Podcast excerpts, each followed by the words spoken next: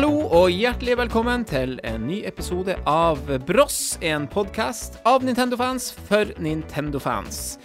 Og eh, velkommen til eh, deg, Adrian. Det var ikke måte på hvor rett på du var.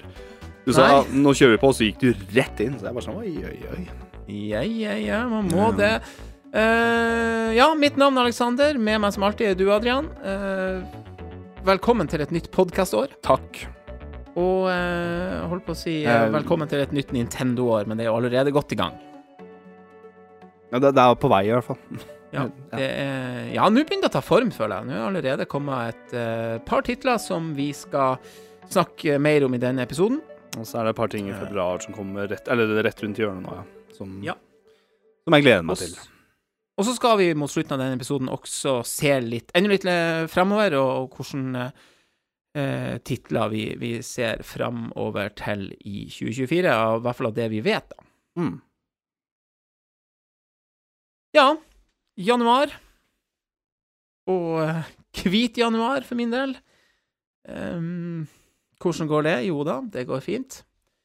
Det, det går egentlig Det går egentlig veldig, veldig bra. Det er, altså, det, det er ikke noe Jeg var sikker på at det kom til å bli sånn uh, dritkjipt, men uh, jeg har merka et par ganger der jeg spesielt eh, eh, fredag og lønningsdag og ikke sant, og den Mm. der eh, Da var det litt sånn eh, litt surt, men uh, nei da, det Jeg Drakk ikke så veldig mye rundt jula, så jeg føler at jeg har mer å hente inn i januar nå. Nei da, men eh, Nei, eh, det Jeg drakk meg faktisk lei av øl i, i jula. altså, det var sånn sett en veldig bra Bra eh, greie, det. Eh, det Altså, når, smaken eh, når, du går lei av, går lei av smaken, altså? Ja, litt sånn. Mm. ja, ja. Litt lei av Åh, ja, OK. Nyttårsaften var liksom siste, sånn Ja, OK. Ja, ja. Det bare En dag igjen nå. Ja, ja, kom igjen. Ja, ikke sant? Litt sånn. Uh, eneste er at jeg, sånn som nå, så har jeg jo Så har jeg jo et par alkoholfrie øl Oi. For å få eh, For å beholde litt av den Kan du si tradisjonen. Men er det Er det, skal vi se, er det, er det Carlsberg du driver med? Med Ja, det her er en alkoholfri Carlsberg. Den er veldig dyr. Mm. Så den eh, Den drikker ikke så mange ut av, men det var bare akkurat nå, egentlig, for å Den der ser du som regel når folk kommer på fest, men ikke skal drikke. En sånn seks Ja. sånn. Ja, ja. Ja, men den er ganske god, altså. Ja da. Eh, men, eh, men det er ikke forferdelig sånn 18 kroner per flaske. 0,33, liksom. Det, det er litt Nei. heftig. Har, øl, har ølprisene økt i pris nå? Så er det, Jeg tror det, men, eh, men jeg, jeg vet jo ikke, for jeg har jo ikke kjøpt øl siden i fjor. Nei, jeg kødda jo litt med det i går og tok et bilde av, i, fra lokalbutta på, på mitt, uh, mitt holdt på å si, mitt, mest vanlige kjøpte øl, da. Uh, og bare De må jo merke nedgang at, jeg tok pause. Uh, på kødda. Men da, da, men da så jeg sånn på det, på det bildet der at da så jeg at det var, det var Frydenlund økt med De økte til nesten 30 kroner boksen. Altså 29, 50 eller et eller annet sånt. Så det var noen kroner, i hvert fall. Ja, ja, ja. Ikke bra. Ikke bra. Ikke bra. Det som eh, dog har skjedd, er jo det at de har satt ned Grandisen eh, halv pris. Og et tilbud som går nå på Rema 1000, greit, men så du Kiwi? De, de bare satte ned. Nei, så jeg lest 29,90. Nei, det er omvendt. Jeg tror det er Kiwi som starta med det. Eh, Rema Ja, okay. 1000 også- ville svare på det, og så har Ekstra begynt å svare på dette her, så det er jo skikkelig Grandis-hype nå. Nå, nå er det Eh, Grandis uh, Jeg kjøpte faktisk seks i går, Ja. men jeg får jo helt sjokk da når jeg ser at det er 29 kroner, altså ned på Ja. 20 20-tallet. Ja. ja. Jeg hadde ikke trodd vi skulle få se 20-tallet på Grand Disney. Er vi tilbake til 2010? Nei, 15? 15? Eller 2015, ja. ja. 16, ja. Ja. Det er ganske mye, det er ganske mye bedre pris 29,90 i 2024, som vi kommer til, faktisk, uh, enn uh, la oss si 25 kroner var i 2018, mm. vil jeg si. Originalpris er nå 60 spenn, er det ikke det? Jo. Bort, på en ja. vanlig Grandiosa. En vanlig. Grandis, ja. Anyways. Mm. Så forresten også at hun, eh, hun eh, skaperen av Grand... Eller hun som først eh, lagde Grandisen, hos Abure, gikk bort her nå for ikke så lenge siden.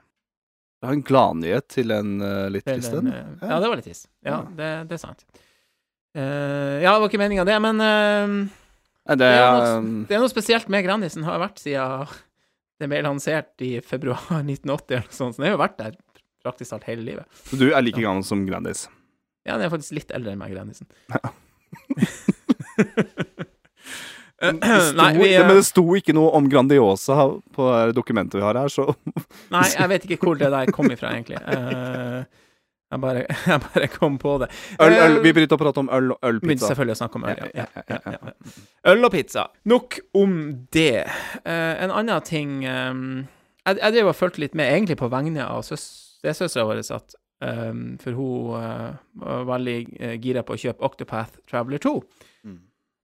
Og så her under januarsalget eller noe sånt, så, så var det gått ned et par hundre kroner på fysiske utgaven, da. Mm. Eh, Ja, du ja, 150-200, kanskje. Ja, Det er tilbake nå på en eh, 600 kroner, tror jeg. Ja, du sendte meg linken, og jeg bare sånn skal, Jeg har en liten sånn nyttårsforsett, og det er Mm. å ikke kjøpe så mye spill. Nei.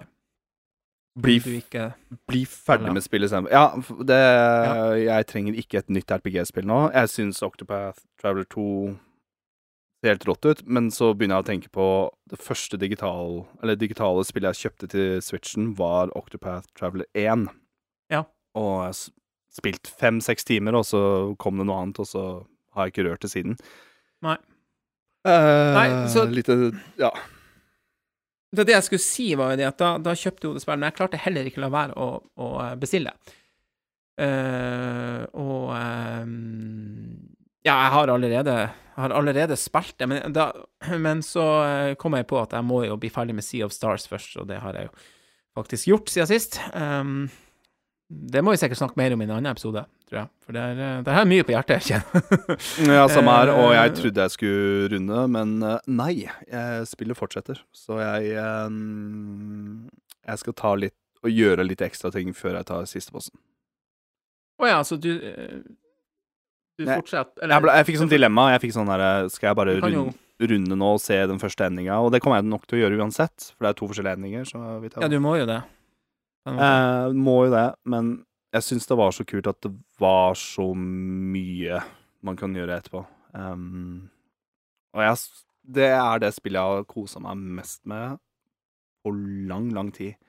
Ja. Jeg fikk også en sånn veldig god, varm, nostalgisk følelse av Mario RPG, men jeg over, på, på en måte, Jeg spilte Mario RPG, ble ferdig med det, og så hoppa jeg tilbake til Sea of Stars, så jeg har den samme følelsen med det spillet. Og det, det er et sånt Ja. spill jeg har ikke lyst til som, Jeg har ikke lyst til at det skal ta slutt. OK, jeg, jeg hadde det litt uh, omvendt, egentlig. Jeg hadde Ja. litt lyst til å bli ferdig med det, sånn at jeg kunne gå videre nå. Ja. Eh, Så, men jeg tror det er verdt å ta den, eh, den alternative slutten. Så vi får se. Jeg er nok sikkert ikke ferdig med det spillet. Uansett det jeg skulle fram til Ja. eh, med Octopath Traveler 2, som også er et fantastisk spill. Og jeg var egentlig veldig glad for at jeg ble eh, det, som, det som var litt sprøtt, var at jeg hørte litt på, på podkaster rundt, sånn, eh, rundt årsskiftet nå, ikke sant, og gjennomgang av eh, årets spill og sånn. Og Ash Polson i GVG løfta jo frem Octopath Traveler 2 Mm. blant annet årets soundtrack, ikke sant, eh, og nevnte det flere ganger. Og så, eh, i en påfølgende episode med de, så, så drev to av de og spiller Octopath Traveler 2, faktisk. Mm. Og så er jeg nok sikkert påvirka det og bestilte det. Mm. Fordi det spillet jeg også har eh, ble tidlig veldig glad i det når jeg spiller demoen og sånn, og, og, og gleder meg til å spille. Men, men så eh, kommer egentlig det lille ekstrapoenget mitt her. Eh, hvor eh, jeg gikk over og telte den fysiske Nintendo Switch-spillsamlinga mi, og kom fram til at Octopath Traveler 2 da var mitt 46. spill. Fysiske spill til Switch. Oi. Det er ganske bra, det. Det er ganske bra. Jeg veit ikke hvor mange jeg har. Nei, men jeg kan si til Mm. sammenligning har jeg tolv. Så, så har jeg tolv fysiske Wii U-titler. Maskin før Switch. Jeg tror jeg har under det. Jeg tror jeg har seks eller noe sånt. Seks-sju U-titler Mm. Men Og hadde det nå vært eh, sånn at det kun var fysiske spill jeg kjøpte, så nei. mm. Jeg har jo, jeg har jo noen Triple A-spill eh, digitalt. Eh, Animal Crossing, blant annet, ikke sant. Det var jo Mm. midt i den her eh, da pandemien slo inn, og så, så var det veldig eh, Origami King, vet jeg. eh, ja, og en drøss med, med indiespill og ikke sant. Så hva den totalen er på, det har jeg faktisk ikke telt ennå, men det Mario and Det Rabbids har jeg på digitalt, det første, altså første spillet. Andre har Mm. jeg fysisk. Veit du hva, jeg fikk litt lyst til å telle. Ja. Du som programleder får lov til å bestemme det, men jeg blei veldig nysgjerrig hvor mange jeg har. Gjør det. Sett på noe ventemusikk, og så eh, gjør du det.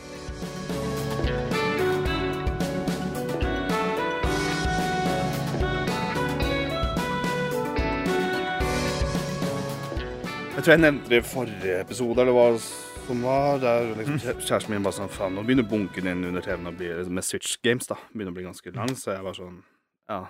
Må se bak, da. Så har jeg en egen hylle med de spillene som jeg ikke kom til å eh, spille på en stund. Eh, ser du det her? Ja, jeg ser det. Ja, nei, jeg skal ikke nevne alle. Nei, ikke, ikke, ikke nei, jeg skal ikke det. En, to. Så har jeg to spill foran meg her òg, som jeg sitter og har begynt å spille litt eh, foran PC-skjermen. Så det er to spill der. 16-17. Og så kommer uh, godbunken Så kommer, så kommer hovedbunken, ja. Uh, det er for teit, altså. 21 pluss Så 20. blir det blir 41, ja. Men så har jeg to spill som ikke er med her. Mhm. Om ikke tre. Og det er uh, Smash Ultimate, for det har jeg digitalt, men jeg kjøpte en Ja. special edition på, uh, på godeste retromessa.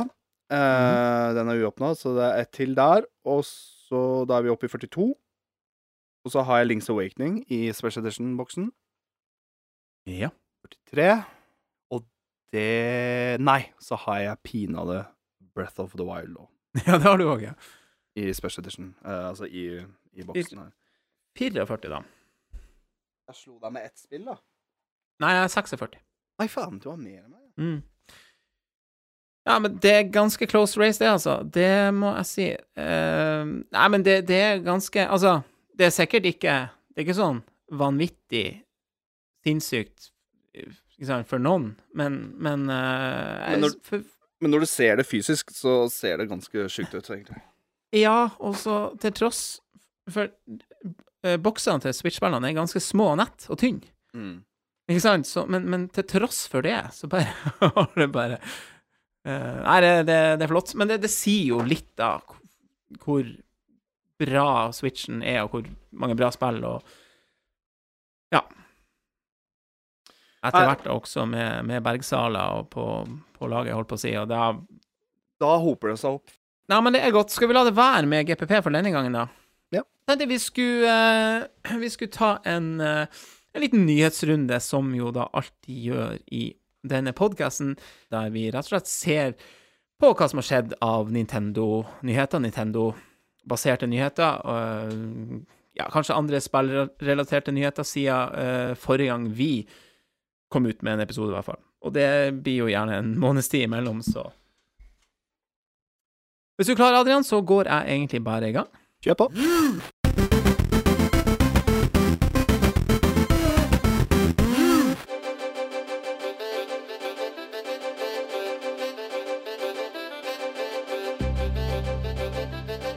Det første saken jeg tenkte vi skulle ta, var at helt på starten av året så kom nyheten om at indie-favoritten vår, eh, som vi begge har spilt litt i jula, Dave the Diver, et spill da som er et konsolleksklusivt eh, spill på Nintendo Switch, har solgt over tre millioner eksemplarer. Høyst fortjent. Neste sak. Så tidligere denne måneden også eh, så kom da denne nyheten som har vært sitert ja, overalt nesten, og til og med i NRK og alt, om at en amerikansk 13-åring eh, ble den første til å om du skulle si, slå eller runde det originale Tetris-spillet, som kom eh, på NES i 1989. Og det var da gameren eh, Blue Scooty. Eh, som, og jeg så et intervju, han heter egentlig Willis Gibson. Og da spør jeg Adrian, tror du det er sjanse for at foreldrene til han Willis Gibson kanskje var fans av eh, 80-talls actionfilmer? Kan jo være Det er i hvert fall to ganske kjente etternavn. Jeg vet ikke, det var det første jeg, jeg tenkte på. når Jeg så, jeg så det nå. Jeg tenkte ikke noe Ja, særlig o- Er ikke det kanonbra navn? Willis, Willis Gibson. Willis Gibson, ass. Det er jo Mangler jo bare um, Willis Stallone Gibson.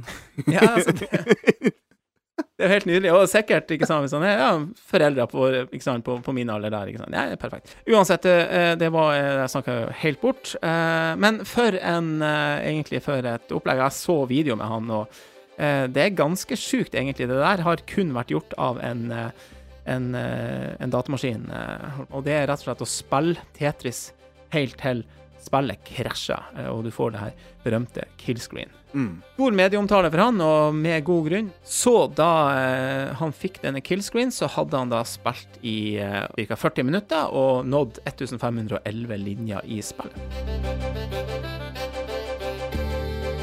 Så til en eh, sak av det mer alvorlige slaget, men også positiv på, på en annen måte. Eh, både Nintendo og The Pokémon Company har eh, donert penger for å hjelpe jordskjelvofrene.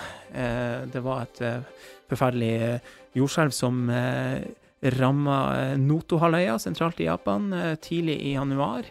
Eh, først Pokémon Company sa at de donerte 500 millioner yen, uh, vil si over 3,5 millioner norske kroner til Røde Kors i Japan eh, for å støtte hjelpearbeidet der, og det gjorde også da Nintendo kom etter med en lignende nyhet, eh, og like mye penger. I tillegg så har Nintendo eh, uttalt at, eh, at de i et halvt års tid skal tilby gratis reparasjon av alt Nintendo-utstyr som er skada i forbindelse med jordskjelvet.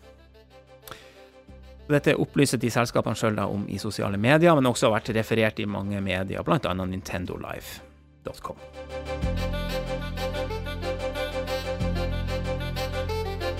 En annen sak litt i eh, holdt på å si, veldedighetens navn, da. Eh, en shout-out til Games Done Quick 2024. Eh, eller er har de to runder, det har de kanskje, men uansett, den første runden her, ja, i året. Den første gikk av stabelen her nå da i, fra mellom 15. januar til 21. januar. Og de samla på det, disse dagene inn over 2,5 millioner dollar til Prevent Cancer Foundation. Mm. Det har vært masse medieoppslag rundt eh, selvfølgelig Games Done Quick eh, og den jobben eh, de gjør, som er fantastisk. For oss Nintendo-fans var det jo også veldig mange Nintendo-spill, både gamle og nye, som var på årets liste. Ganske sært opplegg det der å se En, en sær greie. I år så, så jeg veldig lite på det. Jeg bruker vanligvis å ha det i bakgrunnen. Jeg syns det var veldig mye spill jeg ikke har spilt igjennom, som jeg har lyst til å spille igjennom, uh, som de har spilt. Eh, eller som de spilte. Kingdom og sånn. Ja, Res Resident. Evil 4 remake. Um, Ja. Da måtte jeg backe, backe, backe meg litt unna, altså. Uansett, det er, det er jo underholdende og artig, og eh, de, eh, de kan jo spille de der som deltar der, og eh, ja. Det er jo en artig måte å se gjennom spill man kanskje vanligvis ikke ville ha spilt, eller Det er bra underholdning. bra underholdning. Eh, neste sak. Nintendo kutta nå all nettfunksjonalitet for 3DS og Wii U. Dette skjer altså 8. april. Eh, så da er det altså end of an era for, eh, for oss og, eh, som har hatt penger på disse kontoene og kjøpt spill og, og spilt online på både Wii U og 3DS. Naturlig utvikling, vil jeg jo si, da. Ja, det er litt spesielt å ha Da må du ha en litt sånn eldre Nintendo ID-konto der. Um, og hvis du har Ja, kjøpt en Switch i mellomtida, så har du jo klart å overføre det. Ja, man har jo det. Ja. Så, ja da. Men um, ja, de er nå i hvert fall ute i, i grei tid og, og gir beskjed om alt sånt, så det, det er nå bra, da. Så Nintendo inviterer også til ei gratis visning av en konsert med The Legend of Zelda Orchestra. Det er da en såkalt eh, pre-recorda, eh, på godt norsk, konsert som blir lagt ut på Nintendo of America sin offisielle YouTube-kanal. 9. februar klokka 14 norsk tid eh, blir den sendt. Og jeg har ikke sett noen plasser om denne konserten blir, blir gjort tilgjengelig i etterkant av visninga, eller om det blir liggende her. Det, det har ikke jeg sett eh, noe om.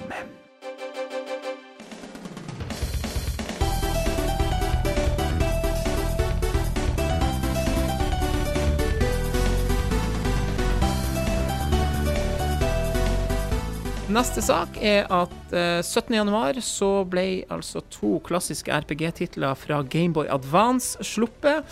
Eh, til Nintendo Switch Online, for oss som har Nintendo Switch Online med den expansion-packen. Og da snakker jeg selvfølgelig om Golden Sun og Golden Sun eh, The Lost Age, som er da oppfølgeren. Eh, ja, og det er et eh, spill som mange har venta på, Adrian. I hvert fall får jeg, får jeg inntrykk av det. ja. Jeg ville heller kanskje ha sett Golden Sun få en liten sånn oppussing-prosjekt som uh, kanskje Mario RPG fikk, eller uh, det har blitt så populært med ja, remastera litt sånn pixel art-type RPG-games. Liksom HD2D-stil. Ikke nok med det, DS-tittelen er ganske bortglemt òg. Mm. Angrer litt for at ikke jeg kjøpte det på Wii U mens man Mm. kunne det. Uh, men Golden Sun hadde jeg på Game Advance, og den mista jeg på toget når jeg var og besøkte deg i Trondheim, når du studerte der. Da Ja. mista jeg Varuland 4, Stemmer og så mista jeg Golden Sun 1. Og jeg har ikke Ja. spilt det siden, så jeg gleder meg virkelig til å hoppe meg inn i dette her. Men da må jeg bli ferdig med noen RPG-spill først. Som er da Sea of Stars, for, for eksempel. For eksempel. Uansett, eh, det første spillet kom i 2001 og 2002. Eh, jeg sier begge årsalene fordi det kom først i Japan osv. Eh, og oppfølgeren kom i 2002 og 2003, og begge spillene er utvikla av Camelot Software Planning, som har laga spill som Shining Force, Mario Golf og Mario Tennis. Og eh, ja, det, det her er fan favorites. Mange mener det her er blant de beste RPG-spillene som noen gang er laga. Eller hvor mange de er, vet jeg ikke, men det er sikkert veldig mange. Jeg ble lei meg når jeg mista spillet. Det kan jeg si. Ja, det vil jeg tro. Det vil jeg tro. Ja. Eh, ja, og hvorfor tar vi med som en nyhet? For selvfølgelig, uh, bare Det var vel uka før at nyheten om at spillene skulle komme, ble sluppet.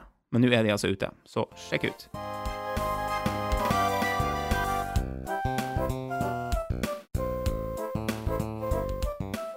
Så skal vi til uh, siste Nintendo-saken denne nyhetsrunden, og det er at det kommer en ja, det, i, når vi spiller inn, så var det vel i går, var det? Det kom en ny trailer til uh, Princess Peach Showtime, som viser flere forskjellige uh, transformasjoner da, som eh, Princess Peach kan gjøre i det spillet, og et par helt nye fikk vi se denne gangen. Mm. Og det var vel uh, nemlig Ninja Peach og Cowgirl Peach. Fikk du noe mer lyst til å spille spillet når du så denne traileren, eller? Absolutt. Det føles ut som det blir litt sånn Kirby-lignende spill. Med Du har en hovedplattformdel, men du har også veldig mye sånn herre Kall det gjerne for spin-off-feeling. Av, av forskjellige typer serier og gameplay, da. Um, Ja. ett og samme spill. Så jeg, jeg, jeg syns det spillet her ser interessant ut. jeg skjønte nå først konseptet litt. Ja. At du på en måte er på ei teaterscene og skal slåss mot noen bad guys eh, fra scenen, på en måte. Og da må man da kle seg ut i de eh, forskjellige settingene som man er på, på scenen, da. Mm. Eh, sånn som jeg skjønte det. Det er- en litt spesiell, litt artig take da på, på Princess Peach. Um, ja. da vet vi fra før at det kommer ja, sverdkjemper-Peach. Uh, hun skal være litt sånn Sherlock Holmes-Peach. Uh, en konditor, og også en kung, kung fu-mester. Og så håper jeg at Ja, de klarer å danne en sånn helhet, da, med alt det her. Mm, Sånn ja, enig. Ja, ja, ja. Og så, ikke nok med det, så slippes det jo eh, på samme dag som dette spillet har release, den 22. mars, slippes det jo et eh, sett med pastellrosa joycons. ja, det hører jo med. Det hører vel med. Jeg er jo faktisk litt der at jeg vurderer et sett til med joycons.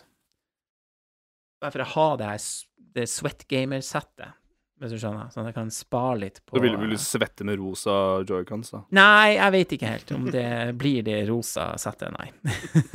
Men For poenget mitt var egentlig det at jeg har liksom gått og venta litt på om det skulle komme noen nye joycon-kontroller. Altså.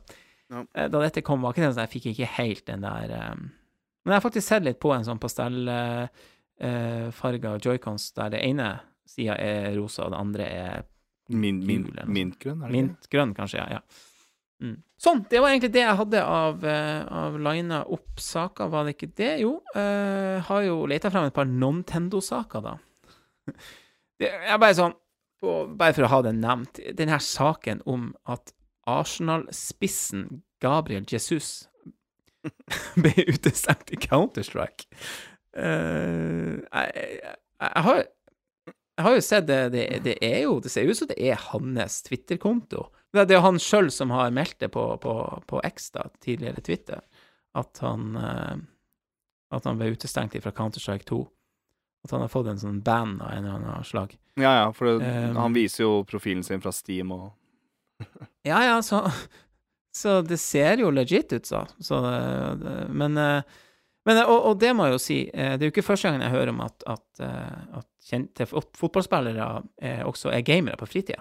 Det er faktisk ikke så uvanlig. Nei, jeg tror både Mesut Özil og Aubameyang Ja, ja, ja. drev jo og pusha et eller annet med e-sport og sånne ting, så Masse gaming. mm. Så eh, ja, nei, jeg får håpe det ordner seg. Nei, så For oss da, som er på Arsenal, så vi, vi vil ha en mest mulig våken og klar eh, Ikke sånn Gabriel Jesus på banen. Red, Red Bull-trøtt uh... Nei, Counter-Strike eh, ja, ja, ja, ja, ja. Så eh, må jeg bare nevne en sak til eh, i disse plagiattider, i hvert fall her i, i norsk eh, presse. Kjipe masteroppgaver eh, som er levert. Eh, men eh, Bare for å ha en liten Segway til, til dette med Palworld. Eh, som jo da har kommet som, i hvert fall må vi kunne si, et fenomen her nå. Eh, det ble sluppet her 18. januar i en early access-utgave på PC og på Xbox uh, GamePass, faktisk. Så jeg har faktisk vurdert å, å teste sjøl. Eh, det har jo blitt en stor eh, hit så langt. Det har solgt faktisk eh, millioner på de fire første dagene. Komma veldig høyt på sånn her eh, antall sp eh, spillere samtidig på, eh, På Steam. på. Steam. Ja. Ja. Jeg var, eh, tidligere denne uka, så var en mandagen, så var det 1,5 millioner spillere samtidig, blant annet. mm. Så det er ikke dumt. Nei, Men uh, så er det jo mange som mener at det her er De har henta litt vel mye inspirasjon fra, fra Pokémon. uh, og eh, jeg må si, mange av de figurene, det er jo, det er jo nesten Ja. Herregud, hvis du skal lage litt sånn derre sånn type dyr-monster-spill, og du må jo hente litt fra andre òg. Det er normalt. Det Ja. eneste jeg prøver å tenke meg, er at det er jo over Er det ikke 1000 nå? Over 1000 nå i Pokémon, eh, i Pokédexen. Mm. Selv Gamefreak sine Pokémon begynner også å bli Noen av de er veldig uoriginale. Kopier av hverandre. Ja, men altså, det, Ja, noen ja. av de begynner å bli ganske så Vi lik. Ja. ja, lik, men også kanskje litt sånn billig design. Altså, det er, det er dårlig, rett og slett. da. Uh, her er ikke noe bedre heller, føler jeg. Greia er at du har Temtem òg, som kom ut. Som skulle liksom være en sånn Pokémon-killer og sånne ting. Palworld Mm. for meg virker bare som sånn her, en mishmash av alt som er populært med mange av de Ja. PC-spillene, Early Access-spillene, og det er liksom For meg så syns jeg at dette her er egentlig ganske sånn her eh, uinteressant. Um, rett og slett. For jeg syns Jeg syns det blir uoriginalt. Opp i opp så syns jeg det blir uoriginalt. Fordi de tar elementer fra Pokémon. Kult. Det er kanskje litt sånn Mm. litt kulere online-del, og hva du kan gjøre med monstre og sånne ting. Mm. Den, den biten kan jeg se. Men alt det andre når jeg ser rundt deg, liksom eh, Fortnite-hammeren, eh, du skal crafte Mm. ting ja kan- altså survival uh, Ja, altså når jeg ser at du kan bare få noen guns til dyra og sånne ting, at du har liksom gunplay ja, Det er jo Pokémon with guns, det er jo det ja, det ja, har det, blitt det, skyte-gameplay mm. i dette her òg. Ja. Så her føler jeg bare sånn mishmash. Det er sikkert gøy. Jeg ser noe ja, Du kan ri på det og fly på det, og svære world maps og sånne ting. De er nok inne, inne på veldig mye par kule elementer der. Eh, altså, så en annen take på det er jo også eh, at eh, Ta det litt som en slags satire, da. Ja da, og det, og det, og det, og det er lov. Liksom, det, Ja. Den humoren kan jeg også se, men jeg personlig er så lei av sånn Early Access-spill på PC. Jeg tror siste spillet jeg kjøpte, var Rust, eller hva det var for noe. Og da sitter jeg egentlig på å spille et halvferdig spill med dårlige animasjoner. Jeg, jeg, vi får se hva det her utvikler seg. Liksom. Kanskje holder koken, kanskje de oppdaterer enda mer, og at det blir noe Ja. mer fast greie der. Men for meg som førsteinntrykk syns jeg bare er uinteressant, faktisk. Ja, vi får se. Jeg har det jo i hvert fall GamePass, så jeg blir jo uh, mest sannsynlig å, å ha lyst til å teste. Det må jeg bare si. Ja. Ja, men eh, det var det eh, for denne gangen i, i, på nyhetsrunden. Og da tenkte jeg vi skulle gå videre da og snakke om de spillene vi faktisk spiller nå for tida. Ja. Ja. Første spill ut eh, som vi skal snakke om nå, er Prince of Persia. Demo. Eh, Veldig viktig å få det Demo er veldig viktig. ja. å få med seg. Ehm, demoen ble jo gitt ut eh, tidligere i januar, men selve spillet ble gitt ut 18. slash 19. januar. Eh, hvordan var det der? Kom det en deluxe-utgave dagen før, eller noe sånt? Mm. Ja. Du kunne, få, du kunne spille tidligere hvis du hadde kjøpt en deluxe edition. Jeg tror du da kunne rundt 15 eller sånne ting. Um, oh, ja, OK. Ja. Noen, da, noen dager Ja, ok, før. at- 18. januar, da, uansett. Ja. 18. januar er liksom van, Ja. vanlig edition. Ja. Som jeg ikke har kjøpt, men dæven, jeg har vært nærme opptil flere ganger. ja, du har det. Men jeg, som jeg sa på, eller i begynnelsen av episoden, jeg, ny greie med meg at jeg skal Mm. Være flinkere og ikke bare kjøpe spill og, og, og Hold deg litt mer i skinnet. Ja. Uh, ja, det er ikke så dumt, det. Men vi har i hvert fall begge gått gjennom demoen. Jeg har gått gjennom, Det er nå utgangspunktet, da. Ja. jeg har gått gjennom demoen to ganger. Eh, en gang på Ja. PS5, og så spilte jeg på Switch. Og avslutta demoen for første gang håndholdt på Switch, da. Ja. Bare for å se liksom litt forskjellen eh, på grafikken, rett og slett. Fordi grafikken er ganske minimalistisk, kan jeg si. Det er ganske stilreint. Um, Og det er nok en grunn til det, fordi hvis det her hadde liksom vært mm, PS5, Xbox Series X, generasjon-type grafikk, så hadde det kanskje sett noen hakk fetere ut. Poenget er at det skal også kjøres på Switch, og det kjøres veldig bra på Switch. Jeg fikk veldig Metroid-feeling av eh, hvor smooth det gikk, og, og eller egentlig sånn grafikken generelt. Um, Ja, Jeg spiller det jo da på Switch, på TV, da, vel å merke. ja, det eneste jeg ser, er at det var, det var mer, mer partikler og litt mer ting i bakgrunnen. Men ikke, Ja, men ikke sånn vesentlig. Jeg var ikke sånn når jeg spilte på 55-tommeren, altså på PS5. Det var ikke sånn der, wow, det her så veldig mye bedre ut. Nei. OK. Ja. Men en del klarer da. Det, det skal sies. Jo, det skulle vel kanskje bare mange. Uh, Med 4K. ja. Et Metroidvania, da. Uh, Ja, vaskeekte og. Skikkelig òg. Ja. Um, Mm. Der du åpner større deler av mappet, og det er forskjellige soner. Um, checkpoints er ganske like, sånn som du er vant med, i hvert fall med Metroid Dread. Og jeg skal ikke sammenligne så veldig med Metroid Dread, men det er jo ganske mye å sammenligne med. Uh, ja. men en vesentlig forskjell er jo combaten, og det var den Mm. som fikk meg til Som jeg fikk sånn her Oi, jeg har lyst til å spille mer. Jeg har lyst til å unlocke mer moves. Jeg har lyst til å. Se hvor, sinnssyke moves du kan unlocke etter hvert, og sånne ting. Og mm, oppi opp så Jeg hadde det jævlig gøy med det. Det er lenge siden jeg har Ja. blitt sånn oppslukt av en sånn demo. Og bare sånn Det her har jeg egentlig lyst til å kjøpe nå med en gang, men jeg har nok andre spill å spille. Så mm, Ja, altså, jeg, jeg fikk ikke helt den, men, men da, da er det sånn Jeg er ikke så glad i den sjangeren, egentlig, fordi at eh, Tilbake til Metroid Dread. Det var en første gang for meg, egentlig, der det på en måte klikka litt for meg med, Mm. med et uh, Metroidvania. Mm. På den, altså med et Metroid-spill, egentlig. Uh, og um, uh, så, så jeg kjenner jo det at Ja, og, og jeg veit jeg, jeg skjønner Du skjønner litt lusa på gangen her. Du, du, du, du skjønner litt hvor, hvor, hvor, hvor vanskelig det her kommer til å bli. Mm. hvor eh, Og jeg bare sånn her Jeg, eh, jeg kjente at det her passa ikke helt for meg nå å, å investere tid i. Ja. Så, så, jeg, så jeg hadde litt uh... For game, gameplay med Prince of Persia var veldig sånn Kontrolleren satt veldig godt. Det var raskt. Ja, det gjorde det. det var, den, den, den, den var crispy. Det var en crispy ja, var, kontroll. ja, den var veldig bra. Ja. Og når man på en måte har det gøy med kontrolleren slash og med gameplay, så er det veldig sånn Det Mm. tiltrekkes Det blir jeg veldig tiltrukket av. Ja. Um, men så var det litt sånn artstylen og grafikken og den biten her. Ikke sånn super originalt, egentlig.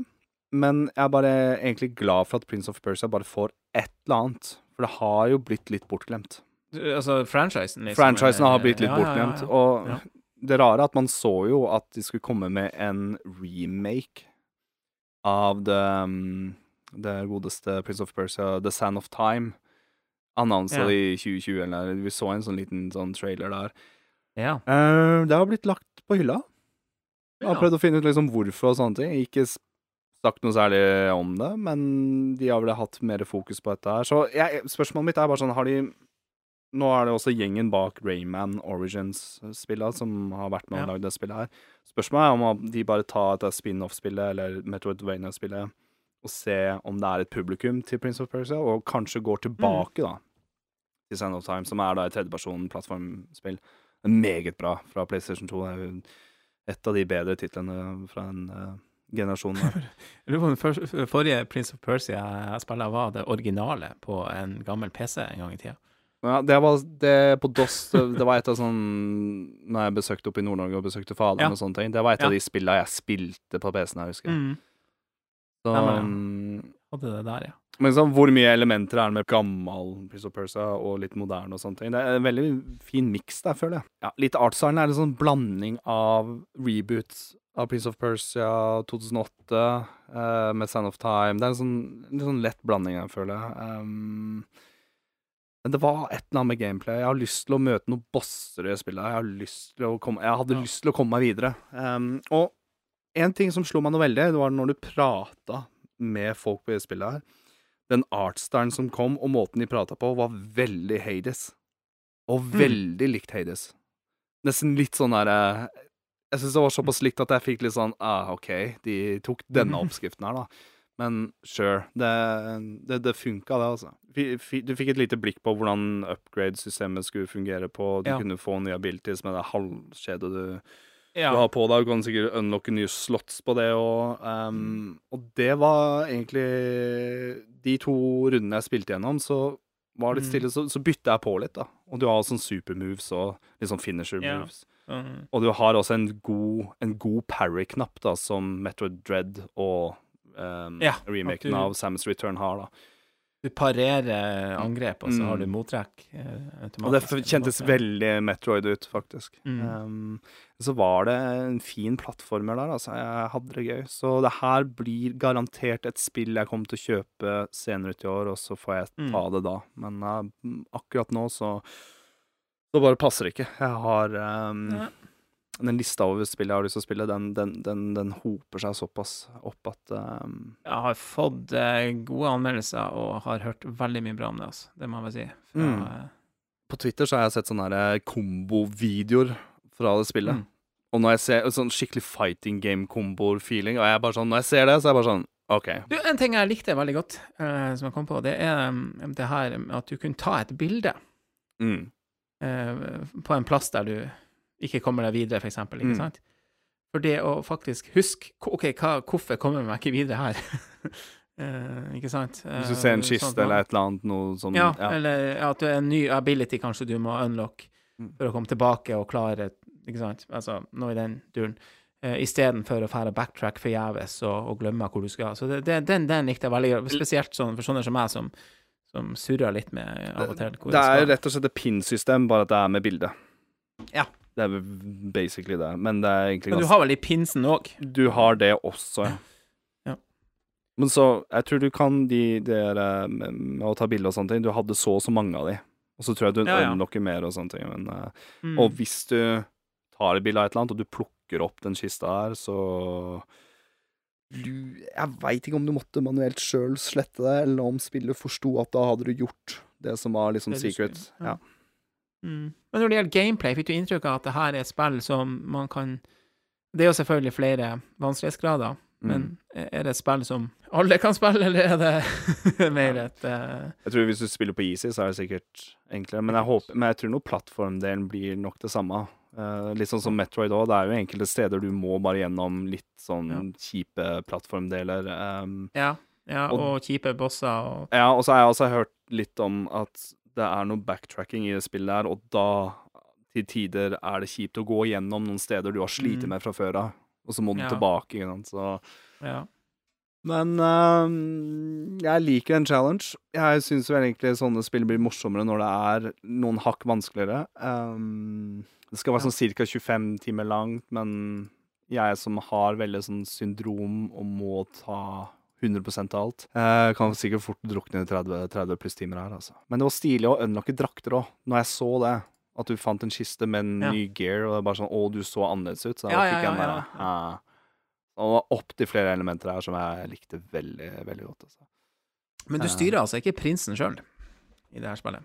Nei, du er vel på jakt etter den. Ja. Så du er bare en av de her, ja. Av den gjengen som du møter utafor der. Ja, ja. Sikkert er det sånn at du er prinsen allikevel. Kanskje det. Vel, veldig originalt. Ja. Nei, altså, det var en OK demo, eh, og det var en demo som gjorde at jeg er sikker på at flere som deg bare må spille videre. Nei, jeg fikk veldig det, men Eh, igjen ja.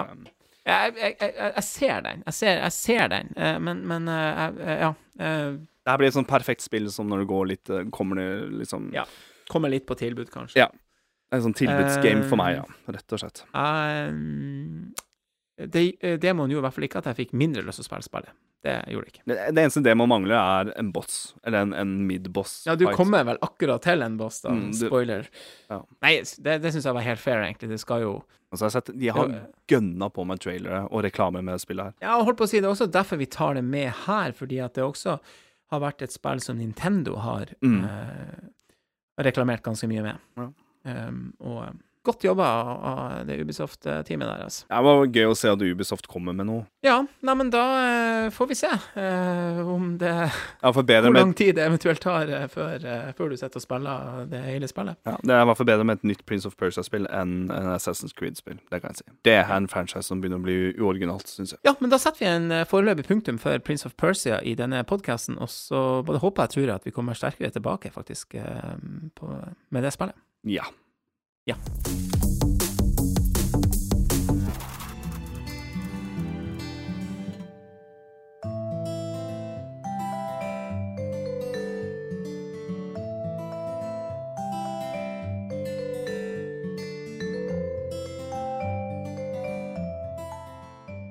Men så har jo da også kommet det som da er det første, kan du si, store Nintendo-tittelen i år. Eh, og det er Another Code Recollection. Eh, et spill som har vært så heldig og fikk en, eh, en kode til på eh, lanseringsdagen den 19. januar av Bergsala. Tusen takk for det. Eh, og jeg tok egentlig ganske så fatt på oppgaven. Det er en Eh, person jeg- gang, ja, og- Det er en person jeg kjenner som liker eh, puzzle, mystery, eh, visual novel game, og det er deg. Det, Ja, og jeg tror hvis du holdt på å si fikk litt den her med, med Prince of Persia, så, så fikk jeg litt den her. Dette er spillet spill for meg, ja. Eh, helt klart. Uh, kort litt om spillet, da. Det er utvikla av Arc System Works og gitt ut av Nintendo. Um, og dette er en skikkelig eh, remake. Mm. Dette er ikke noe remaster. Her er det to gamle titler. Det første tittelen kom på DS som heter eh, Another Code to Memories, eh, i hvert fall her i Europa, eh, og kom i 2005. Mens oppfølgeren, som heter Another Code R, Journey into Lost Memories, kom i 2009 på Nintendo Wii. Og den ble kun gitt ut i Japan og Europa. Og den tittelen Ikke USA, spesielt. Nei, ikke USA. Ja, det har jeg hørt en del eh, på fra amerikanske podkast, at det er liksom en litt sånn litt sånn greie eh, der, da. Så har jeg også skjønt det sånn Jeg må bare si med en gang, jeg har ikke spilt noen av de originale spillene. Nei. Eh, men eh, jeg skjønner at det er gjort en del endringer i storyen på begge disse spillene, da. Men sånn som jeg skjønner det, så er det vel større endringer i det som er Det som jeg kanskje heretter blir, blir å kalle del to. Fordi dette er eh, to originale spill som er satt sammen til, til, til ett spill, da. men det er veldig tydelig i to eh, Hva skal jeg si To episoder, da. Så det er, ja, det er en rein oppfølger av Det er på, det er på en måte Another Call 1 og 2, da. Ja, det er Another Call 1 og 2. Ja, ja, ja. ja. Det var en oppfølger, ja. ja så, det er, så, så du får begge spillene i én pakke her, da. Mm. Men du kan ikke velge om du vil spille den eh, oppfølgeren først, da. Eh, du, må, du er nødt til å spille det i rekkefølge. Du starter på eneren, og så fortsetter du på toeren. Mm. Det, er ikke, det, er ikke, Heller det er ikke sånn at du kan Ja, OK. Ja, men det er Sånn tror jeg det var med Advance Wars òg. Du måtte i hvert fall spille veldig langt på eneren for å unlock. Uh, jo. Nei, Eh, nei, vi, uh, de, vi, nei, vi debunka greiene at eh, du kan hoppe rett på toeren, men da må du gå igjennom Ja, sånn var det. Du kunne gjøre det rent fysisk, ja, men, da, men du ble ja, på en måte advart mot ikke å gjøre det. Veldig mye. Ja, sånn. ja, ja, sånn at det var, de gjorde det vanskelig. Sånn var det, stemmer det. Nå husker jeg det. Uh, men her har du ikke noe valg, da. Uansett, nok om det. Um, sånn som jeg også har, har sett litt og, og skjønt at det her, det her er veldig veldig oppgradert. Uh, det skulle kanskje bare mangle ifra, ifra DS uh, og We til i dag, da. Eh, men det er også gjort eh, flere oppgraderinger som eh, en del visuelle elementer, 3D-miljøer å utforske, og det er voice acting over hele linja, og det er gjort både på engelsk og japansk, skal jeg komme tilbake til. Eh, noen nye gåter og nye filmklipp. Eh, ny musikk, eller oppgradert musikk, eller ja. Og en del eh, til. Eh, når det gjelder min egen framgang i spillet, så eh, gikk jeg først igjennom demoen. Det har du òg gjort, bare så det er sagt. Mm. Ja. Og det er starten. Det er starten, og det er det, også den, eh, en, en demotype jeg liker enda bedre, og det gjør at du eh, fortsetter eh, savegamet Mm. eh, med hovedspillet. Og, og det må jeg si, det, det var jeg veldig glad for nå òg. Det, var- det var deilig å Hvor langt sa vi den første eh, demoen var? Den runda vi på én time og 20 cirka, var det? Ja, det, Nå, det, nå det tok mye lengre tid enn jeg forventa meg. Um, Ja, Plukka inn på en time 20 cirka. Men det skal sies at jeg, jeg spilte gjennom demoen bare for å, å spille gjennom for å prate om det i podkasten. ja, ja. Um, Eh, bare for å få lite sånn inntrykk, da. Men, men det, Ja. som, som sagt, det var Det er ikke et Det er ikke et veldig raskt tempospill, det her greiene. Du skal ha tid når Nei, du skal spille sånne type spill. Ja, alle de her type spillene. Ja. Uh, rett og slett. Men når det er sagt, så er ikke dette spesielt lange spill. Uh, eller det her er nok ikke et veldig langt spill. uh, i, i, sånn i sum. Eh, Vi snakka under 20 timer. Så underkant ti timer per spill. Ja, jeg tror det første spillet er lengst. Ja, ok. Eller den første episoden, eller ja. Okay. Eh, sånn som jeg har skjønt det, ja. Eh, mm. Men det er en fin, Ja, nei, en fin, men, en fin demo, for det er Fin demo, ja. For, helt klart, det, det er starten på spillet, og, det, og du setter i gang historien. Så, så, det, så for meg var det også veldig greit å slippe å gjøre det der på nytt. For det var jo, som du sier, det var sånn langtekkelig intro på spillet. ikke sant? Så det var deilig å bare kunne gå, fortsette å gå inn i det huset, den mansion som du kommer eh, til, da.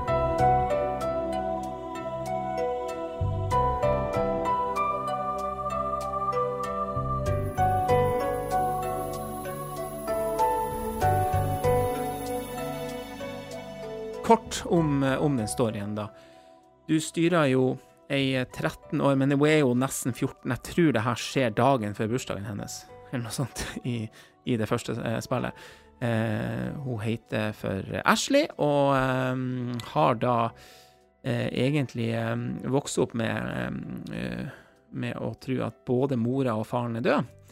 Eh, så viser det seg at eh, faren eh, lever i beste velgående, og, eh, og hun har da fått eh, et brev da for å besøke eh, han da på øya som de kaller for Blood Edward Island.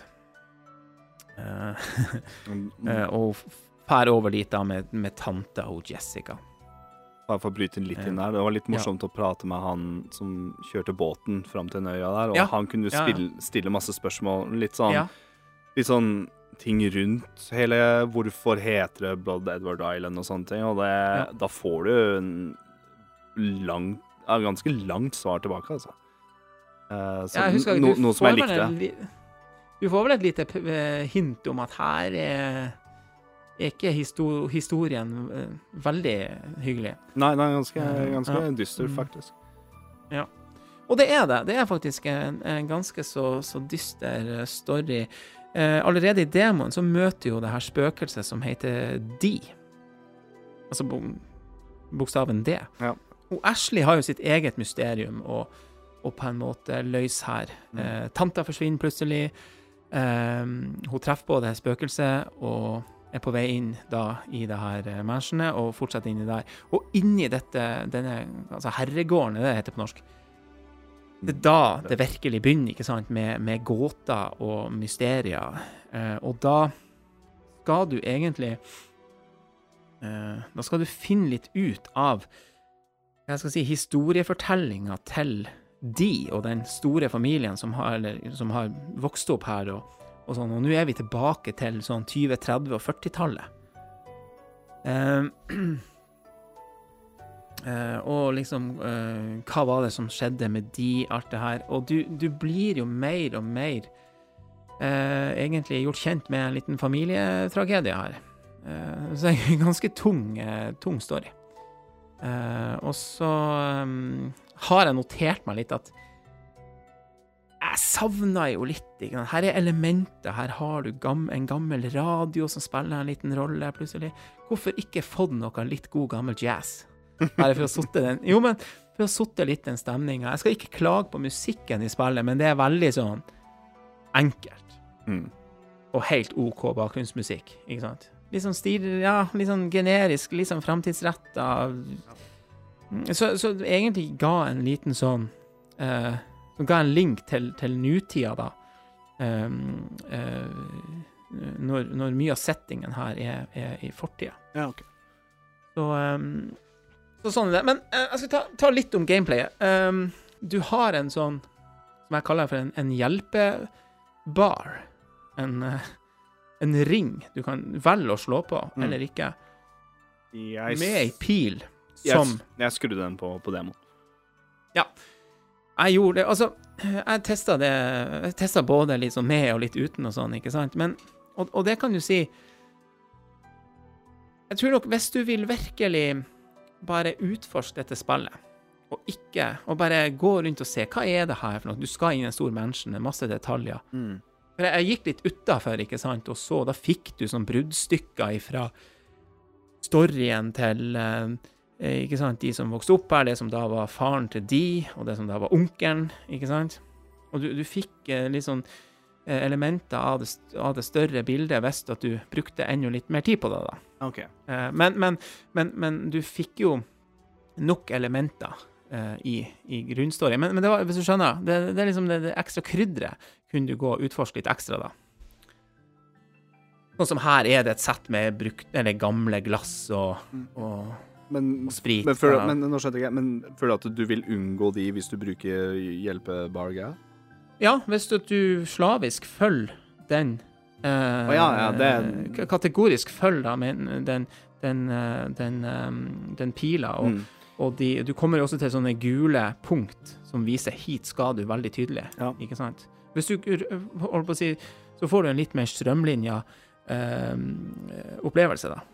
Jeg merka en sånn todelt ting der, at ja, OK, hvis pila der, Den hjelpebar greia Hvis den Hvis den viste alltid hvor jeg skulle hen, så var det jo enkelte steder på mappet der som jeg ville gå og sjekke ut sjøl, om det var noe hint eller bonus der, da, eller noe Ja, noe, noe sidehistorier eller sånne ting. Så det der er jo ganske valgfritt, tenker jeg da, men uh... Valgfritt, og som jeg sier, du får det du trenger, jeg- ikke sant? Jeg merker sånn, jeg vil heller bruke mer tid å løse puzzle enn å bruke Ja. tid med å finne, finne ut hvor jeg Ja. skal. Nettopp. Det, og det, det er akkurat det jeg også mener. Og de Eh, detaljene du, du prøver å sjekke ut sjøl, eller ser på veien til det, prøv å sjekke det ut. Sånn, sånn tenkte jeg da når jeg spilte. Ja. Så ja. Det, det, det krydder. Men, men, men altså og, og det tror jeg også var en sånn kritikk på de gamle spillene, at det kunne bli litt for vanskelig å, å, å finne ut hvor skal du At du kunne stå støkk da. Og det er ikke noe artig i sånne typer spill. Å ikke skjønne hvordan kommer jeg meg videre nå.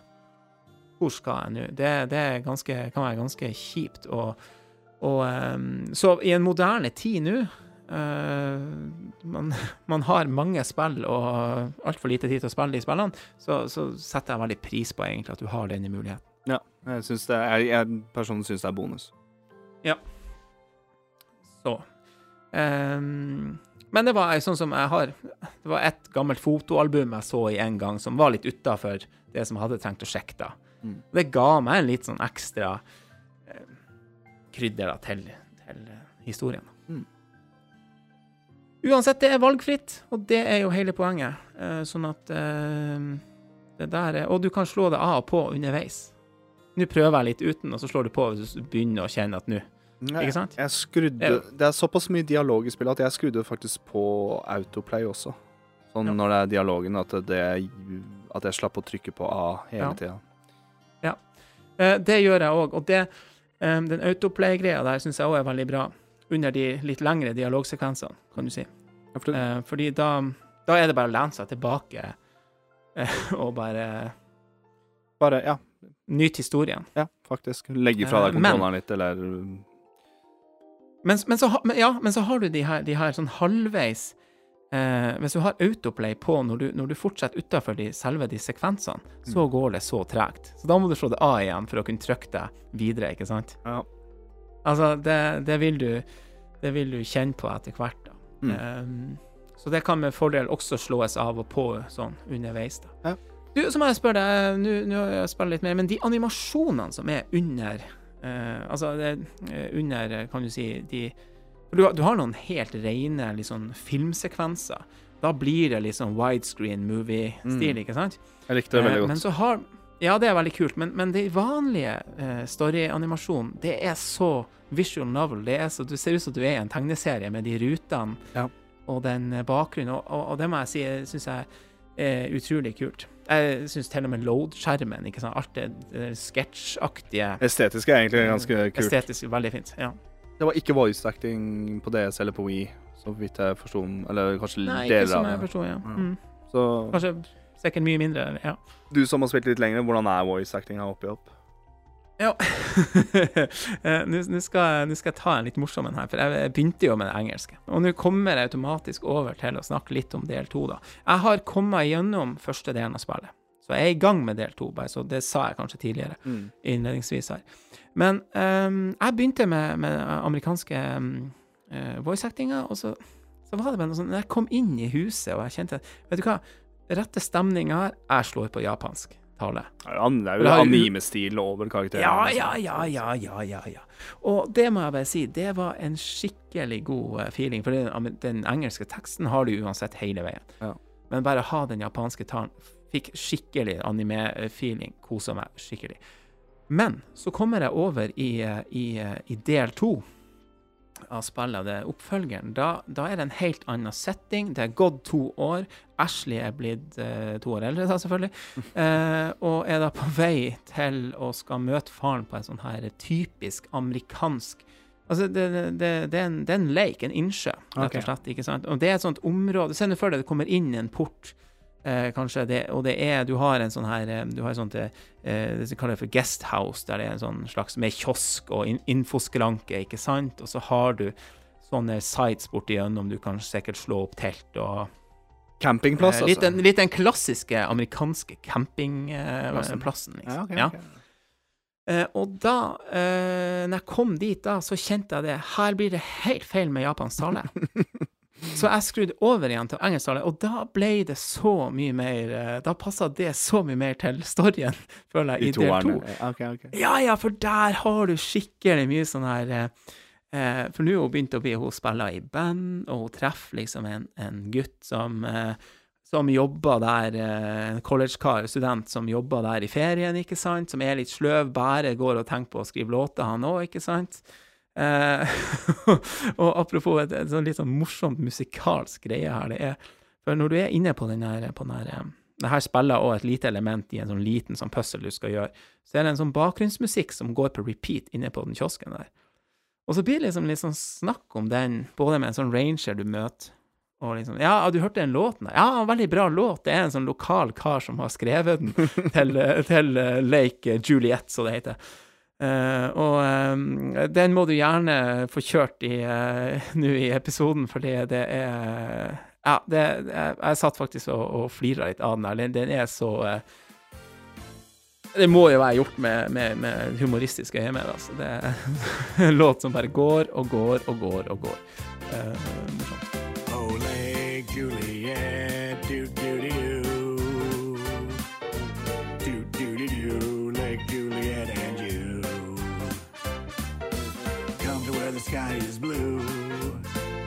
the birds sing too. Dance away your cares, shake 'em loose. Come one and come all.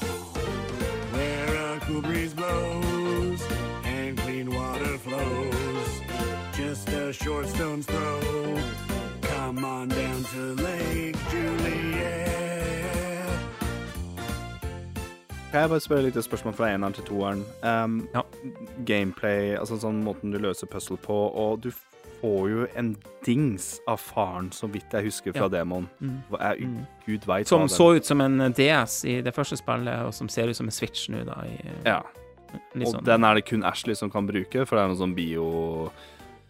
Ja, den er eh, styrt etter hennes Mm. eh, Ja, den må helt personlig device. Mm. Så spørsmålet mitt er bare sånn Hvor mye har den saken å gjøre når du spiller spillet, tar puzzle og sånne ting, og videreføres den over til del to? Altså, er det samme Er det samme ja, den spa jeg skal ikke røpe så mye, men den spiller jo en, til slutt en hovedrolle i den første delen. Ja, OK.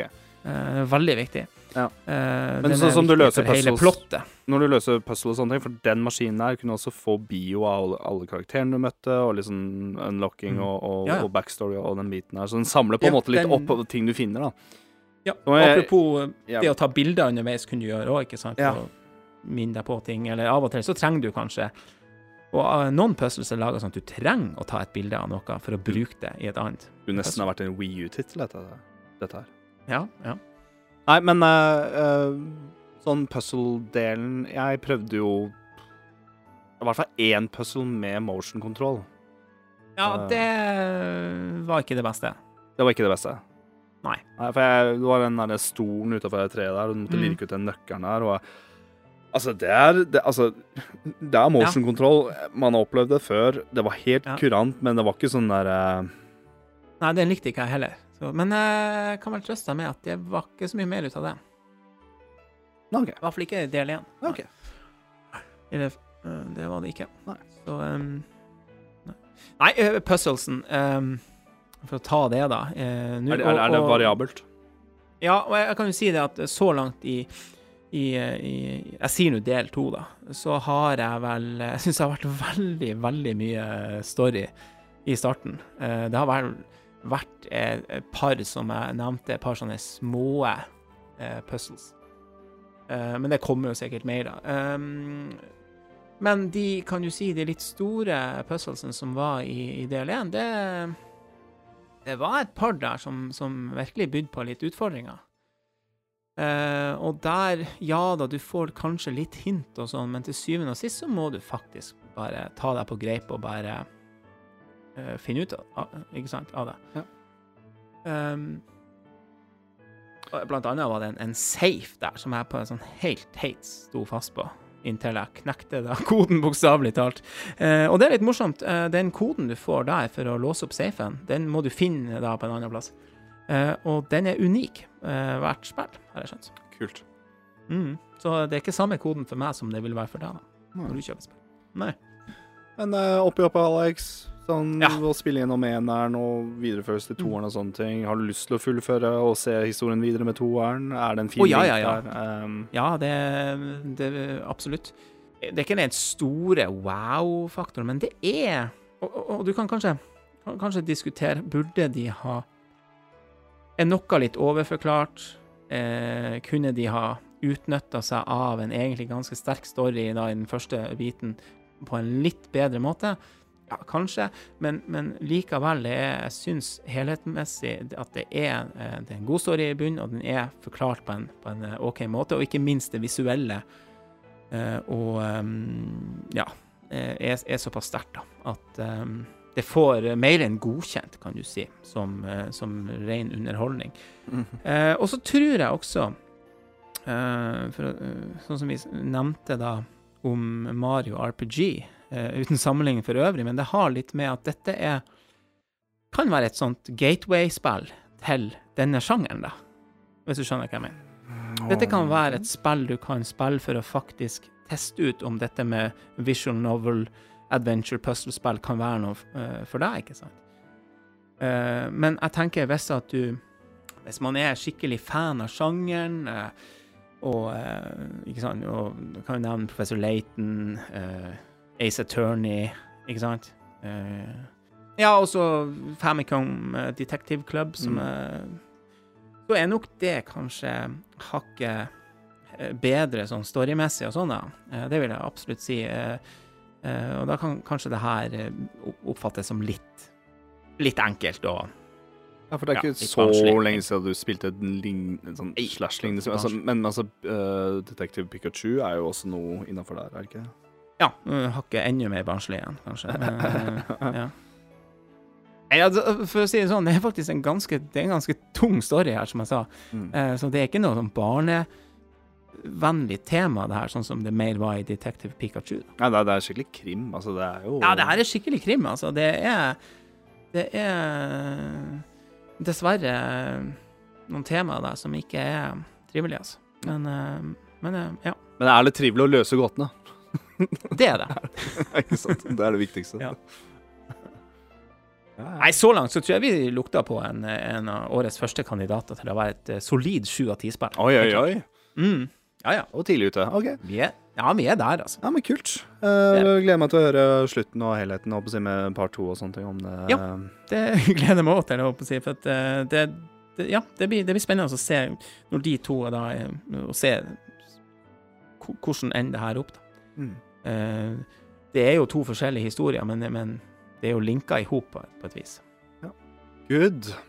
Det, det var et nytt spill. Eh, ja, Det var et nytt spill. Jeg har lyst til å prate litt om backlog. Det kan vi godt gjøre. Ja.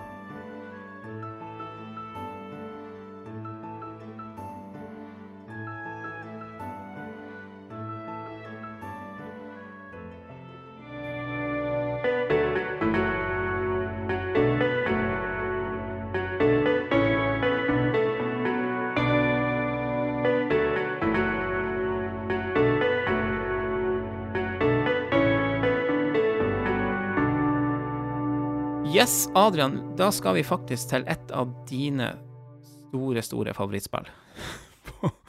eh, som eh, for min del i hvert fall har eh, har ikke vært spilt så veldig mye de siste par årene, men det tas jo frem en gang iblant i lystig lag. Du sendte meg bilde på nyttårsaften at du spilte ja, dette her. Ja, sammen blir- med, med Litt sånn tradisjon. med ungene, holdt på å si. Ja, det er kjempetrivelig. Super Smash Bros. Ultimate har faktisk fått eh, litt nytt innhold, om vi kan si det sånn, da. I hvert fall noen nye spirits. Ja, 11. januar så Eh. kom det nye Spirits, og vi nevnte Ja. Jeg vet ikke, har vi nevnt det? Nei, jeg tror ikke vi har nevnt det. Nei. Jo, kanskje. Nei, jeg husker ikke. Um, det kom i hvert fall det, men det kommer jo jaggu meg enda flere. Og de er vel eh, akkurat mens vi spiller inn, så kommer det vel i morgen. Ja. Eller når forhåpentligvis denne episoden kommer ut, så kommer det i morgen. Så Så er de ute. Og den er litt mer interessant enn den som kom nå 11. januar, for den som kom ut i 11. januar, var jo da vaskeekte Nintendo-titler, da. Sino, Ja, var det Tears of the Kingdom? uh, Tears of the Kingdom, det var Pikmin 4, det var Sinoblade Chronicles 3. Var jo Nei, Splatoon, for helsike. Splatoon 3 var også en av de. Ja, det var det. Jeg tok den Når jeg tok Tears of the Kingdom sin, så fikk jeg litt sånn der hint på sånn Ai For jeg har ikke runda Tears of the Kingdom ennå. Ser jeg litt sånn der dårlig hint på hva siste delen er i spillet nå. Jeg bare begynte å, fanta jeg, jeg begynte å tenke litt sånn her Du, du veit jo i Smash at de de prøver å, å legge elementer av hva som skjer i spillet, med å være kreativ i, innenfor Mm. Smash Ultimate, da. Eller med Ja, ja, ja, items og karakterer og farger og den biten her, da. Og ikke minst spirits. Så jeg bare, når jeg så en sånn gigantisk Rob kom der, så tenkte jeg det der må jo være litt lite hint til sånn en av de ancient eh, monstrene i spillet. Og Selda var der i, på starten. Mm. Uh, uansett, når jeg tok de fire spiritsa, så var da De spiritsa ble da mine Hva var det, hva var det jeg fikk for noe? 1400 blank.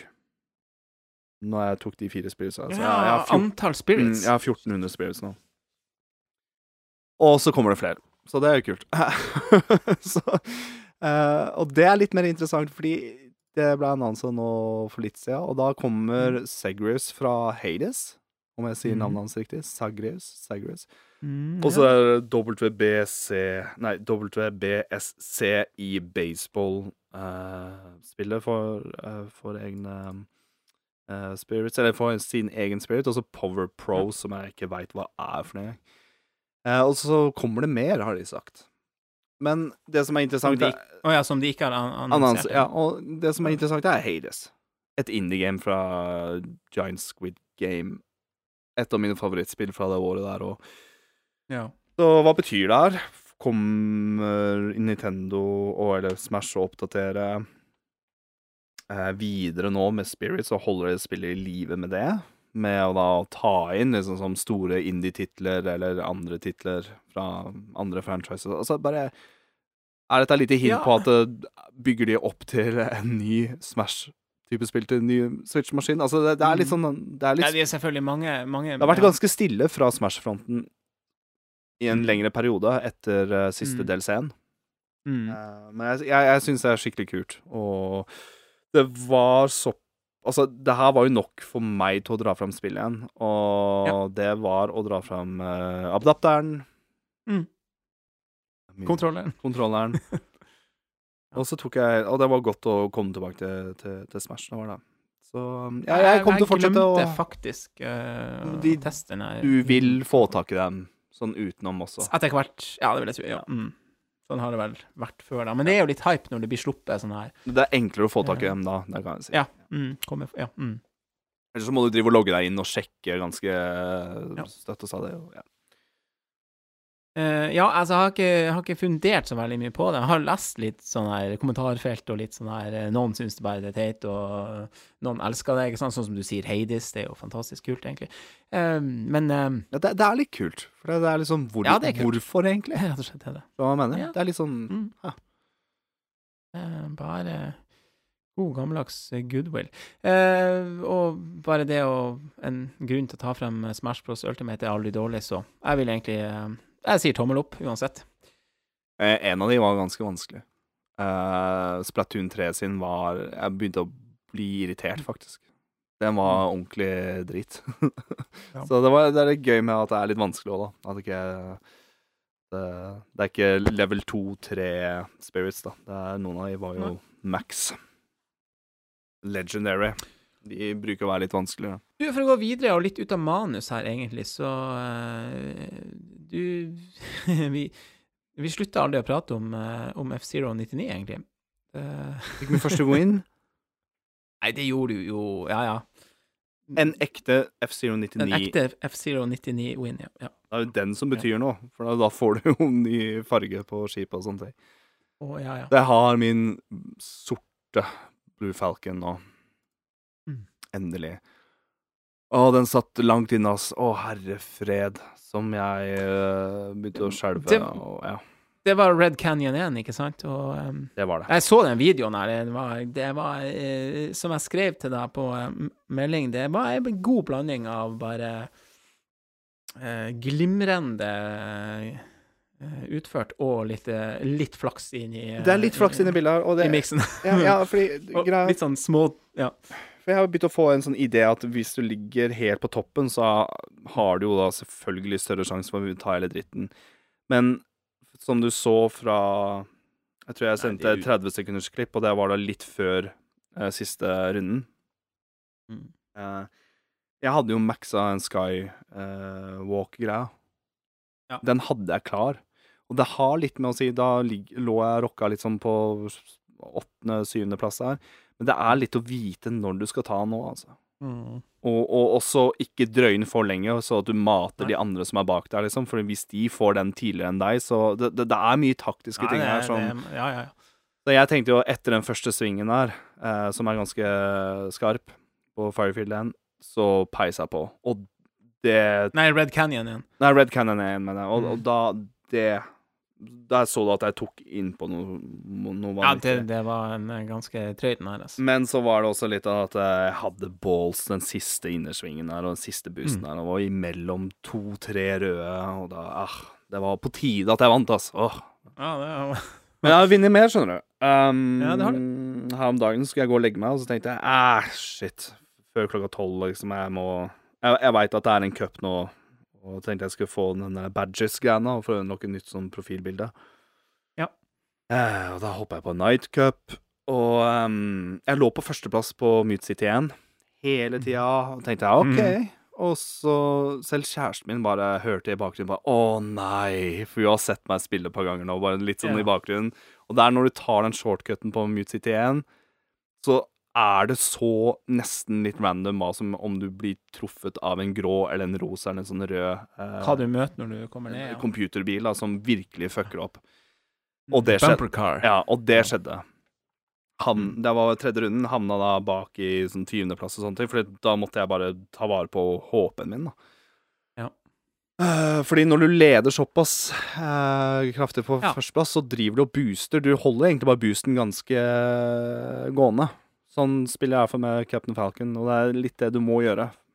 Um, men havna der, men da fikk jeg en KO som også gjorde sånn at jeg får med en bedre boost løpet av Ja. hele cupen. Du får lengre boost ja, på hele Så jeg safa han på Mute City 1 med å bare å, å knerte én, få litt mer boost osv., bare for å overleve, rett og slett. da.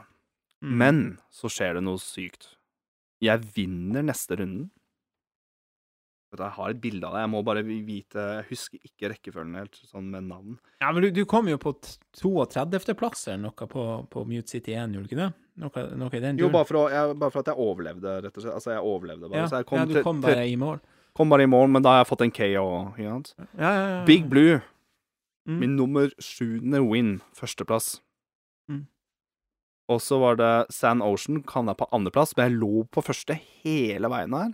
Ja, en jævlig bane òg. Men rett på slutten så kommer det faktisk en annen Blue Falcon, og det var sånn millimil, og sånn Ah. 300 sekunder der. Og så kom jeg på førsteplass på Deathwind End, som er Mhm. veldig utrolig, for der syns jeg Blue Falcon ikke gjør det bra, bare så jeg har sagt. Nei, det ja, vanskelig bane. Men så er en av mine favorittbaner som jeg faktisk har dreisen på, og har vunnet uh, en gang tidligere i en cup.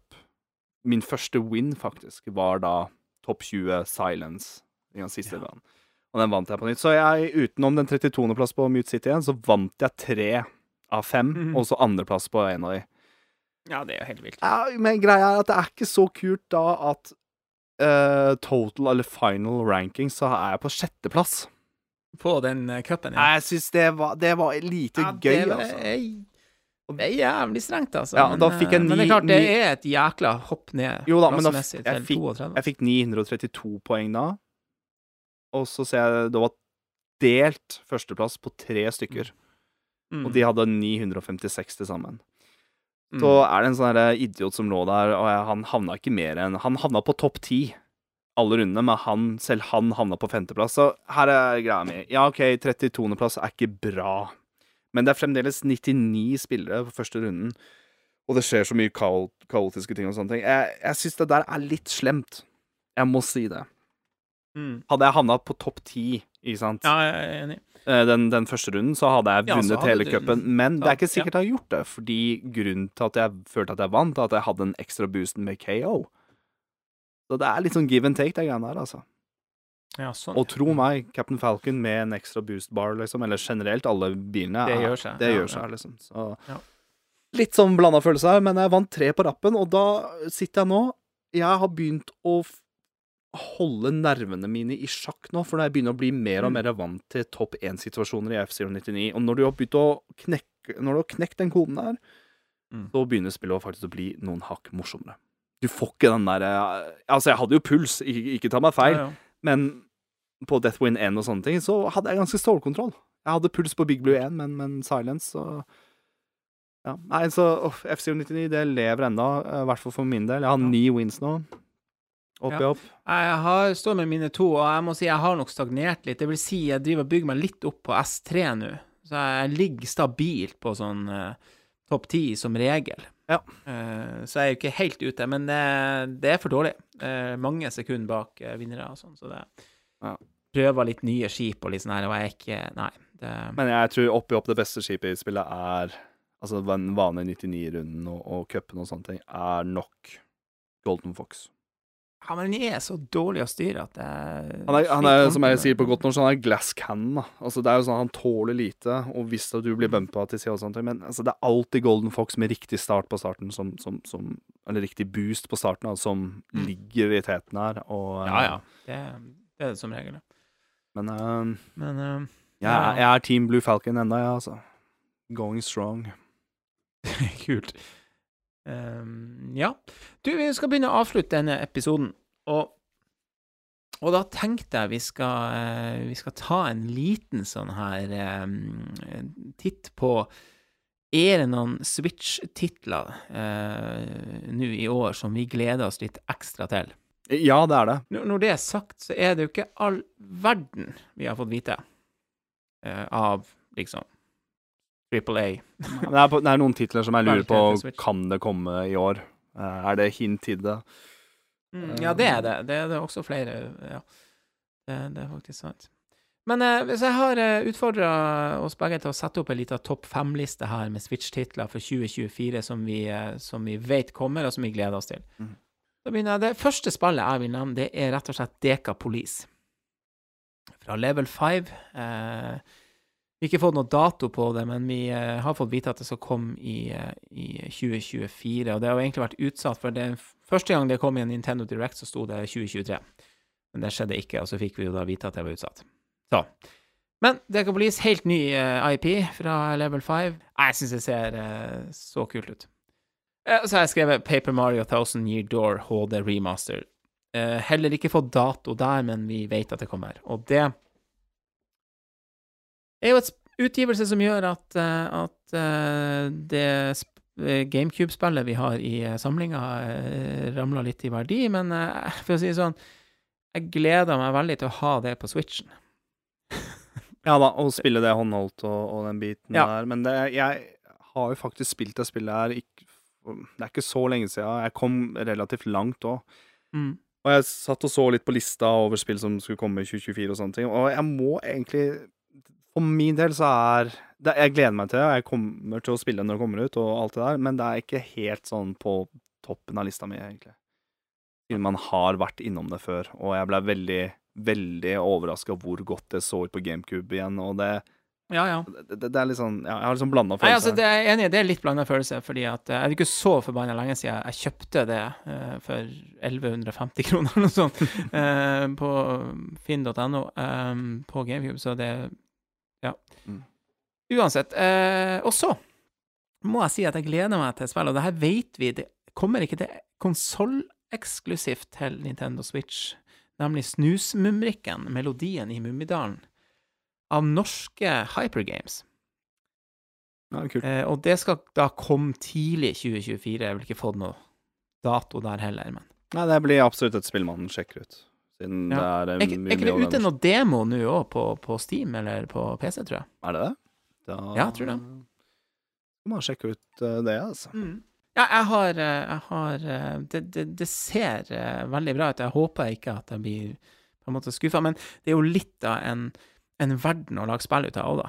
Eh, Mummidalen, det er jo fantastisk utgangspunkt. Artsdalen er, er ak er, akkurat sånn, sånn den skal være, tenker jeg. Ja, det er veldig kult. Og Snusmumrikken er jo kanskje den, den mest mystiske figuren der på en Altså, han har en god hovedprotagonist til et, til et TV-spill, altså, Mm. kan du si. Uh, og så er det et uh, artig spill som uh, heter Loco, Loco, Loco Motive. Jeg så du noterte det. Jeg har gått litt sånn hus forbi det her spillet her. og- Ja. Nei, jeg har sett Jeg lurer på om det også her for lenge siden kom på en, Ninten- på en sånn Indie Direct eh, showcase-opplegg, eh, og jeg tror også det har vært eh, utsatt en del. Nå skal det komme første kvartal 2024. Og det er da Robust Games og Chucklefish som gir det ut. Um, og det er jo rett og slett en god gammeldags uh, Who Done It. Uh, litt sånn uh, Agatha Christie-stil med eh, på et tog, ikke sant? Men med en litt sånn Monkey Island-aktig gameplay, da. Mm, point and click. Yes. Ah, det er litt et eh, pek og klikk, altså. Ja. Og alle skal eh, Du er vel Alle hovedfigurene der Du er vel sjøl en hovedrolle som også er en, eh, sikkert en suspect, eller en Ja. Så det, Hva, hva mente du der? At du er en Nei, at- du sjøl er jo en av de som mis kan ha gjort det. Ah, ja, okay. Mistenkte. Unnskyld. Ja. Um, ah, det er egentlig likt. Ja, men bare se, se på artstylen, se på stemninga der. Det, Mm. det, det er virkelig et Ja, faen, det der eh, Jeg ser bilder av det nå. Det ser skikkelig stilig ut. Jeg, jeg, jeg digger hvor 2D det er med hele toget. Mm. Altså sånn hele toget bare går gjennom Eller du går gjennom toget kun i 2D-setting, da. Ja. Eh, Men så ser det litt annerledes ut når du går inn til um, Lugar. Nei, liker stilen øh, veldig, veldig godt. Det ser jo ut som det er litt sånn øh, det er, Ja, det er litt tilbake i tid, litt uh, Som jeg sier, litt Poirot-stil her. Det er Mm. veldig bra. Så har jeg altså uh, notert meg Princess Peach, da, som vi snakka om litt tidligere. Um, jeg må jo si at det, det, det er kanskje litt i mangel av noe annet, men øh, Så en liten honorable mention her er Mina the Hollower. Ja, Jeg har også tatt med det. eh, Et Yacht Club eh, Games. Ja, altså Du styrer en mus som ser ut som nesten ut som en link Eller en sprite fra Link fra Link's Awakening Eller fra Zelda Link's Awakening. Eh, får veldig Gameboy Yes. Det er Gameboy Color-vibber-stil over dette her, men det er liksom sånn gotisk eh, artstyle, eller stil over hele, hele gamet òg. Ja, det- hvis man det- er glad i sånne sånn eldre, med- eldre Zelda-spill, så tror jeg dette her blir eh, gøy å teste, altså. Er det noen andre spill da som tydeligvis eh, du har her? Hades 2 Jeg er litt usikker om Ja. det kommer på Switch, men de har i hvert fall vært De, de skal komme med en Early Access på Steam, tror jeg. Uh, men det er bekrefta at det skal komme i 2024.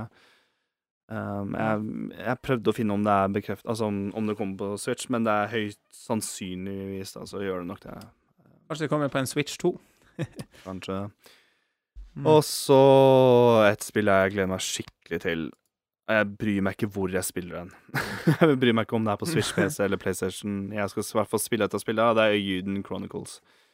Um, det, det er jo skap- bekrefta på Switch, da. Så. etter hvert. Og Mm. eh, hvis du skal ha fysisk utgave, så er det kun til PS5 og Switch, faktisk. Du kan få Mm. tak i. Det kommer ut i april. Slutten av april. Nice. Um, Nice. Så SU-koden Og jeg ser jo at SU-koden 1 og 2 kommer jo også med en sånn remaster på Switch. Ja, det stemmer, det. Mm. Eh, det skulle egentlig komme nå i fjor, 2023, men de har eh, utsatt det. Og her er greia at eh, siden dette er tidligere skaperne av SU-koden, så får jeg litt sånn her Jeg kommer nok til å ha full fokus på øyelyden, men jeg skal selvfølgelig ha SU-koden 1 og 2 òg. Men det er bare sånn, det kan bli litt for mye av den sjangeren og den stilen, tenker jeg. Det kan jeg. bli mye Ja. Så, men jeg setter øynene mye høyere opp. Det gjør jeg faktisk. Ja. Um, Det, det er et must. ja. Og så er det et spill som Ja. kommer rett rundt hjørnet i februar, og det er et spill Altså en Nintendo-franchise som jeg på en måte har gått litt glipp av. Jeg har alltid visst om det, Mm. testa det bitte litt, men det er Mario versus Donkey Kong. Mm. Uh, det er et eller annet med det som jeg Ja, jeg gleder meg til litt den old school, god, gammel puzzle-plattformer-delen. Og Mario-universet, som sagt, en, et, et spill fra Mario-universet jeg ikke har, har prøvd. Så det gleder jeg meg til. Um, jeg måtte tygge ja, Det var litt vanskelig å lage en liste her. Mm. Eh, For ikke å kopiere helt fra deg òg, så alle de spillene du nevnte òg, har jeg også gleda meg litt til. Men, men uh, Splatoon 3 får en del se nå i februar òg, som heter Side Orders. Eh, jeg har nevnt det tidligere at Splatoon 3 har jeg mista litt, men det er litt på grunn av Mhm. multiplayeren, fordi jeg er ikke så god. Men det jeg likte med Splatoon 3, var singleplayer-delen, og dette her er bare Ja. mer singleplayer. Så jeg, det her er en god uh, måte å komme seg tilbake på det spillet her. Og kanskje dette her gjør meg uh, bedre i spillet, og kanskje hoppe ut online igjen. Online igjen men jeg veit ikke. Så jeg, jeg gleder meg å gå tilbake til Splatoon 3. Så det er mine mine høyder. da. Men uh, Hades 1 er jo også fremdeles et spill jeg har lyst til å gå tilbake og spille igjen nå. Alltid et spill på Switch. Jeg bare Ja. sånn, Begynner jeg å spille det, så, så sitter jeg der. Så jeg tør nesten har åpne Jeg har faktisk ikke spilt det, men jeg har det. Men det kommer noen morsomme DLC-er til, skjønner du, og det er til Eastward. Det er et indiespill jeg runda for noen år siden. Uh, de Mm. kommer med Octopia-DLC-en, som da blir litt sånn Live Sim Farm. Ja, ja, ja. ja. Uh, jeg må bare titt Jeg må bare sjekke ut hva det er for noe. Og så Ja. var det ene indie directen med Blade Chim Chimera. Syns jeg ser ja, ja, ja. kult ut. Uh, cyberpunk men med fantasimonstre, bare snakkende sverd, eller sverd som flyr i bakgrunnen. Uh, du har pisk, du har gønnere. Fin sprite-animasjon. Ja, det der ser liksom sånn mm, Tolv år gamle meg, da. Jeg syns fremdeles det der ser kult ut, liksom. Jeg har lyst til å teste, ja, ja, ja. Men så lurer jeg par, Det er mange spørsmål. Får vi hørt noe mer om Prime 4? Eh, er, ligger det, er det et 3D, nytt 3D-Mario-spill ute i horisonten? Eller en Eh, ny Nintendo-maskin Ja, en ny Nintendo-maskin. Og så er det ett spill Jeg tenkte at jeg orker ikke å ta med tre typer Ganske lik type RPG-spill, JRPG-spill på en liste her, men Dragon Quest 3 remaster i Ah, 3D-2D-tingen. Ja, ja, ja, ja, ja. HD2D heter det kanskje. Mm. Jeg husker um, traileren, og jeg var sånn Det der har jeg, jeg, har lyst, jeg har lyst til å spille dette her. Um, Ja. Men det begynner å bli mange av de spillene nå, så det er sånn oh, jo. Kommer de imellom med Juden og Suikoden, så Så jeg har lyst til å teste ut Octopath Traveler òg, ikke sant. Så mm, det kan bli litt for mye av den sjangeren her. Det kan bli, uh, det kan bli drøyt mye JRPGs hvis man går inn for det. Um, nei, det er jo fantastiske uh, spill, da. Eh, skal sies. Men jeg tror også mange spill fra 2023 kommer på en liste her òg, for det er mange spill jeg har lyst til å fullføre Ja. og bli ferdig med Ja. i 2024 òg. Ja, altså, jeg tror um, Jeg er litt glad for at det foreløpig ikke kommer Altså, de helt kanskje store titlene. At det, det, det, det er mer enn nok, det vi har nevnt nå, og det er masse, masse, masse, masse andre titler. Det, ikke vær redd for det. Men, men med tanke på for et vanvittig spillår 2023 var, så, så Mm. Det er helt enig. Det, det, det er en backlog fra 2023, da. eh, Det, alene. det er akkurat det at jeg, jeg tror Ja. no, noen av de spillene fra 2023 jeg kommer til å spille i Ja. kommer til sikkert å bli et av mine favorittspill i 2024. Eh, Ja. Så um, Mm, skal du- Absolutt ikke se bort fra. ja, ja, ja, ja. Men hei, 2024 ser også bra ut så langt. Det er ganske ja, jeg syns i hvert fall indie game-fronten òg Eller Jo, men det har vært Jeg vil si det har vært en OK start for Nintendo òg nå, med, med Ja, det blir Mario vs. Donkey Kong. Ja. eh, Princess Peach er jeg usikker på Det kommer mars. i mars. Ja. Jo da, første kvartal blir ganske Blir bra, altså. Another Code, som vi Ja, snakka Det er jo en, også en litt sånn, litt sånn obskur IP som er henta fram. Det er ganske kult. Mm. Um, Men jeg synes, når jeg så en liste her, syns jeg det var litt kult at det var litt sånn kickstarter-prosjekt, eh, indie games, som også kom ganske høyt opp der. For det er eh, vanvittig mye bra spill der ute, altså. Som er verdt og Nintendo å Switch er jo indie-maskin framfor noen, så Har i hvert fall begynt å bli og er, ja. Det er, ja. Eller er, det vil jeg si. Ja, det er etablert som det, Ja, altså. det er det, det, det er si. Ja. Yes, det Og med det så tenker jeg vi, eh, vi avrunder denne årets første episode med, med Bross. Uh, som sagt, vi er en podkast for alle som er litt ekstra interessert i Nintendo. Uh, det er jo mange av oss. Det er noen der ute, uh, håper jeg. Ja. For hvis noen har hørt det her for første gang, og, eh, og eh, ja, så håper jeg jo at, at Eller satt pris på det de hørte, så håper jeg jo at man eh, hører også eh, episodene som kommer utover året. Og da gjenstår det bare å si vi høres neste gang. Det gjør vi. Ha det bra. Ha det bra.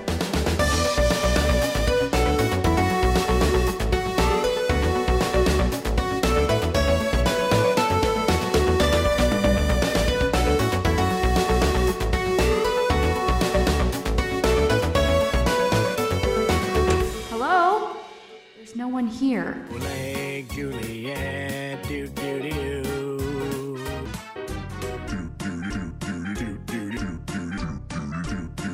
What is this music? Lake Juliet.